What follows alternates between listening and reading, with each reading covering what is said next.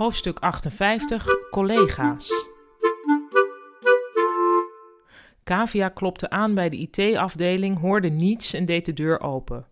Harmjan lag met zijn hoofd op het bureau. Harmjan, zei Kavia voorzichtig.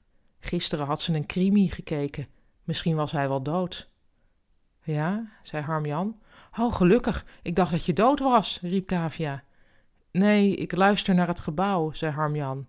Hij bleef met zijn hoofd op het bureau liggen. Oké, zei Kavia tolerant. En wat hoor je dan? Allerlei dingen, zei Harmjan. Getik van buizen en zo. Oh, ik dacht al dat je met het gebouw aan het communiceren was, lachte Kavia zenuwachtig. Dat ook wel hoor, zei Harmjan. Hij kwam traag overeind. Waarmee kan ik je van dienst zijn? Um, er verschijnen steeds allemaal blokjes in de mailing die ik probeer te sturen, zei Kavia terwijl ze de stapel prints omhoog hield, terwijl ik niets anders doe dan eerst. Hm, zei Harmjan. Hij staarde. Kun je dat oplossen? Ze legde de prins op zijn bureau. Vaak heeft het met de browser te maken. Ja, dat zei ik ook al, maar daar neemt Stella geen genoegen mee.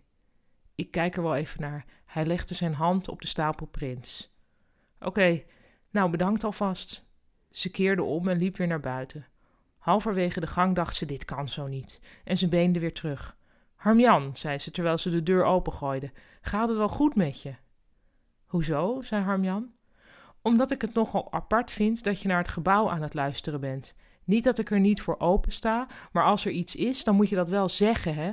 Daar zijn collega's voor. Oh ja, zei Harmjan. Hij glimlachte flauwtjes. Nou, oké, zei Kavia verward. Nou, dan ga ik maar.